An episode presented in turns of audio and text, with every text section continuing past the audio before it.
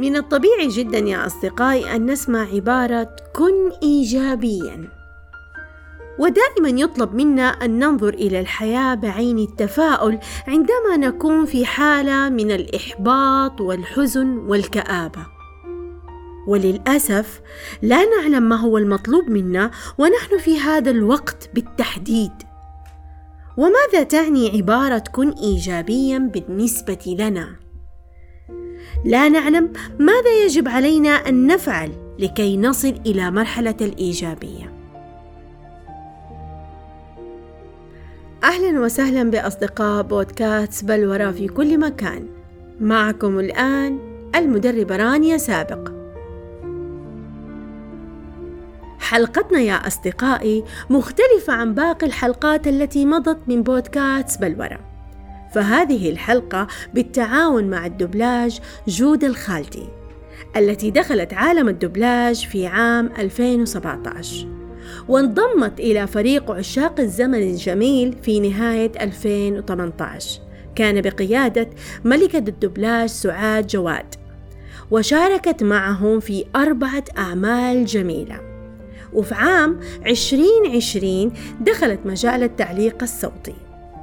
فلذلك ستكون حلقتنا لهذا السبت مختلفة تماما وأنا متأكدة أنكم ستستمتعون بها. إذا لنبدأ حلقتنا.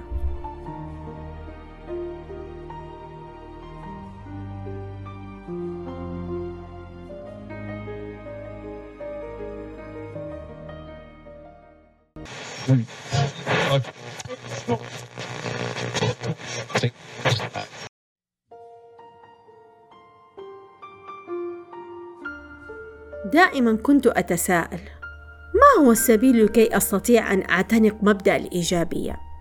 كيف أستطيع أن أطبق هذا المبدأ في كافة تفاصيل حياتي؟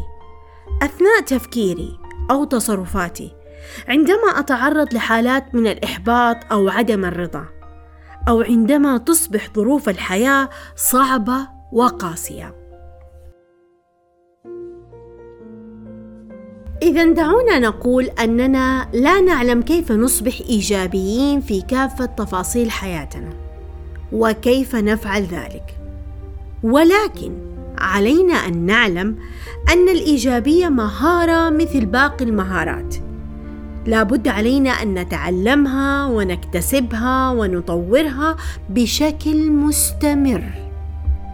فالأمر كله يندرج تحت عاملين أساسيين هما طريقة تفكيرنا وطريقة تصرفاتنا وكلاهما قابل للتغيير والتطوير. فالسؤال الذي يجب علينا أن نطرحه الآن كيف أكون شخصا ايجابيا؟ وكيف أجعل حياتي إيجابية؟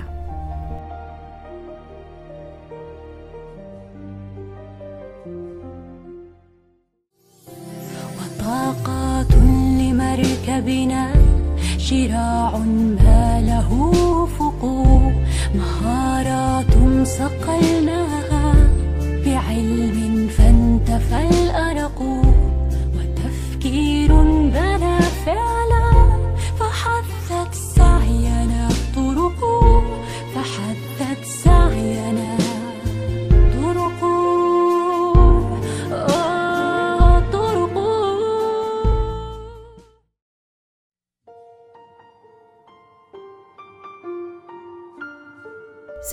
ساخبركم يا أصدقائي بالأمر. إن الأشخاص الإيجابيون يتمتعون بصفات تجعلهم مميزين عن غيرهم. وهذا ما يجعل حياتهم مليئة بالإيجابية. لأنهم ينظرون إلى الحياة بعين التفاؤل والأمل. وكما قال جبران خليل جبران هناك من يتذمر لأن للورد شوكا. وهناك من يتفاءل لأن فوق الشوك وردة.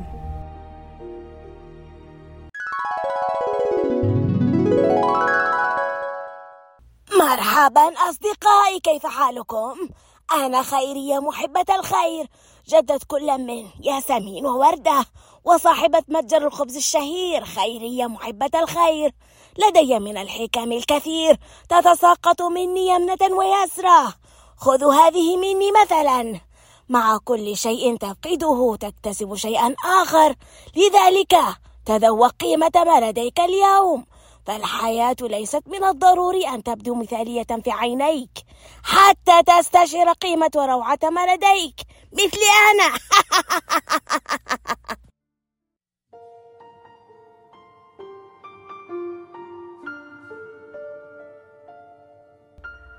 تعتبر أفكارنا الإيجابية مهمة جدا في حياتنا. لأنها تجعلنا في حالة ذهنية تعتمد على توقع الأمور الجيدة على الدوام وأن نستثني الأمور السلبية والسيئة. فقدرتنا على خلق الأفكار الإيجابية ونقلها إلى حيز التنفيذ نكون بهذه الطريقة نسعى إلى إسعاد أنفسنا. ونجعل حياتنا أكثر إنتاجية فالكثير من الناجحين يؤكدون بأن سبب نجاحهم الأساسي في الحياة هو التفكير بطريقة إيجابية.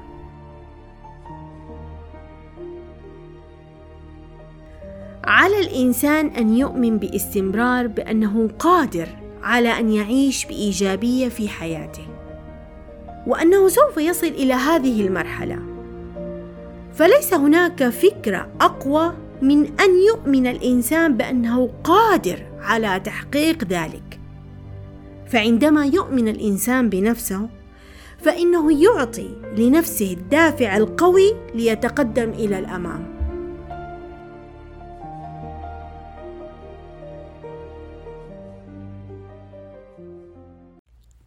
قالت لي معلمتي في يوم ما يا وردة عندما ينظر شخص ما إلى الدنيا من خلال عدسة التفاؤل سيراها أجمل وسيراها أكبر وسيراها بديعة لا مثيل لجمالها.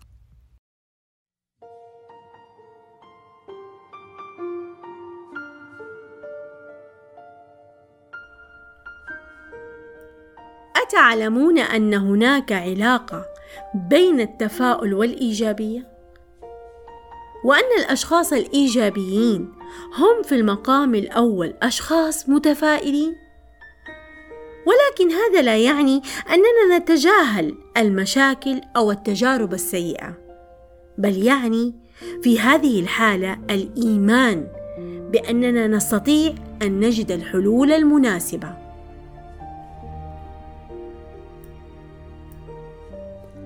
الحياة عبارة عن مجموعة من التحديات المختلفة. ومن الممكن أن نتعرض إلى نوبات من القلق والتوتر والخوف. ولكن التفاؤل يقوم على إنقاص هذه النوبات والعمل عليها بشكل فعال. مما يزيد التميز والإبداع والقدرة على التعامل مع كل شيء باحترافية.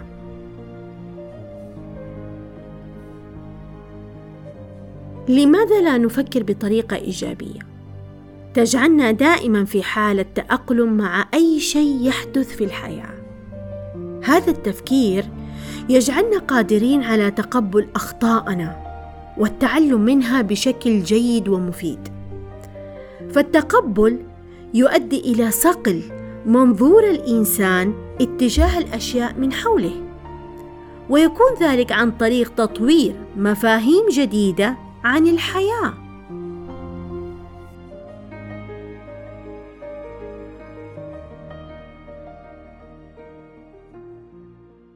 أختي ياسمين أريدك أن تتقاسمي معي هذه الحلوى. لا لا أريد أن أتقاسمها معك. سأخذها كلها. لا لماذا؟ هذه الحلوى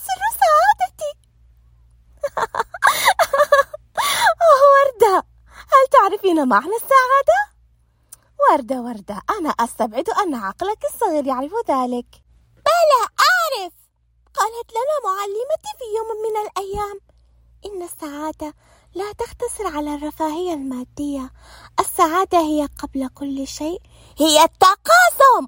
تقاسم المسرات والمرارات. ولكن لم تذكر الحلوى. قلت لك آتني إياها! لا تغضبي لا تغضبي.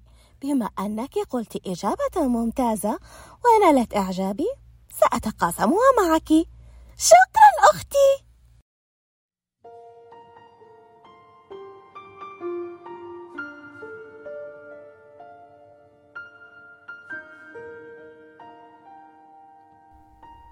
ماذا يحدث لو رأينا شخصا يبتسم؟ فإننا حتما نجد أنفسنا نبتسم معه. وكأنها عدوى انتقلت إلينا. فالكثير من الأبحاث أثبتت أن الابتسامة أو حتى أن نرى شخصا يبتسم فإن جزءا محددا من المخ والذي يتحكم بحركة الوجه يجعلنا نبتسم. وهذه الحالة تعود بالنفع علينا وعلى غيرنا.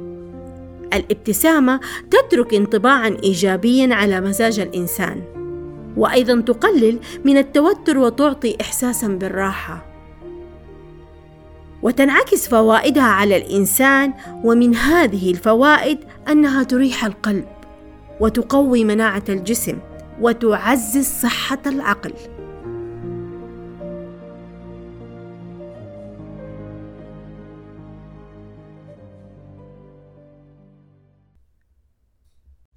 ضع يدك على قلبك. واستشعر الإيمان في داخلك عندما تنوي الإقدام على عمل شيء. الإيمان يا أصدقائي تمد الشخص بالدافعية والحماس والعمل وتدفعه إلى أن يكون في مركز قوة حتى في أكثر لحظات الضعف لأنها تحفزه على التقدم وتعطيه دافعا كبيرا.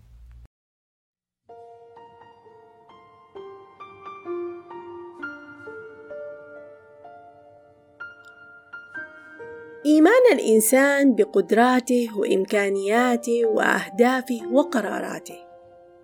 هذا الإيمان هو العمود الفقري لشخصية الإنسان بدونه يفقد الإنسان أمور كثيرة منها الثقة بالنفس واحترامه لذاته. ويصبح عرضة للانتقاد والاستغلال وبالتالي يعيش حياة حزينة مليئة بالخوف والقلق والتوتر. ويكون عكس ذلك الإنسان الذي يؤمن بنفسه فإنه يتمتع بثقة قوية وتجده ينظر إلى الحياة بنظرة تفاؤلية.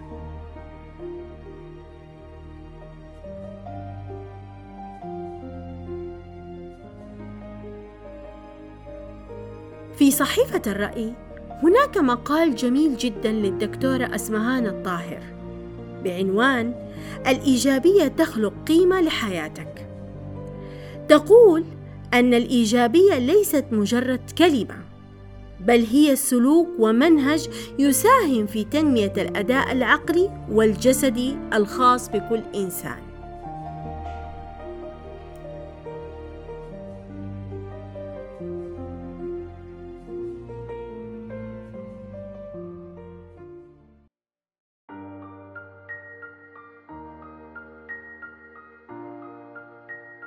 والآن مستمعين بلورة في كل مكان. لقد وصلنا إلى نهاية حلقتنا.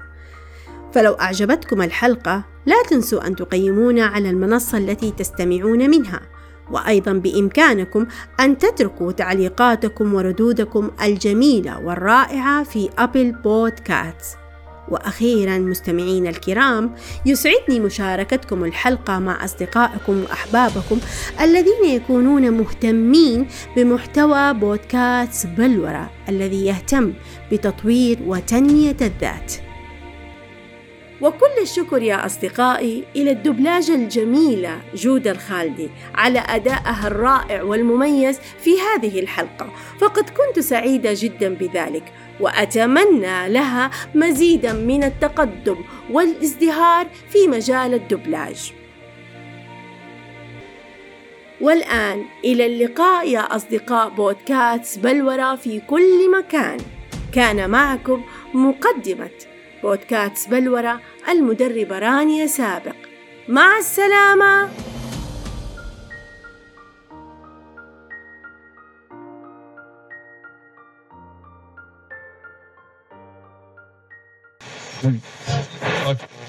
Okay.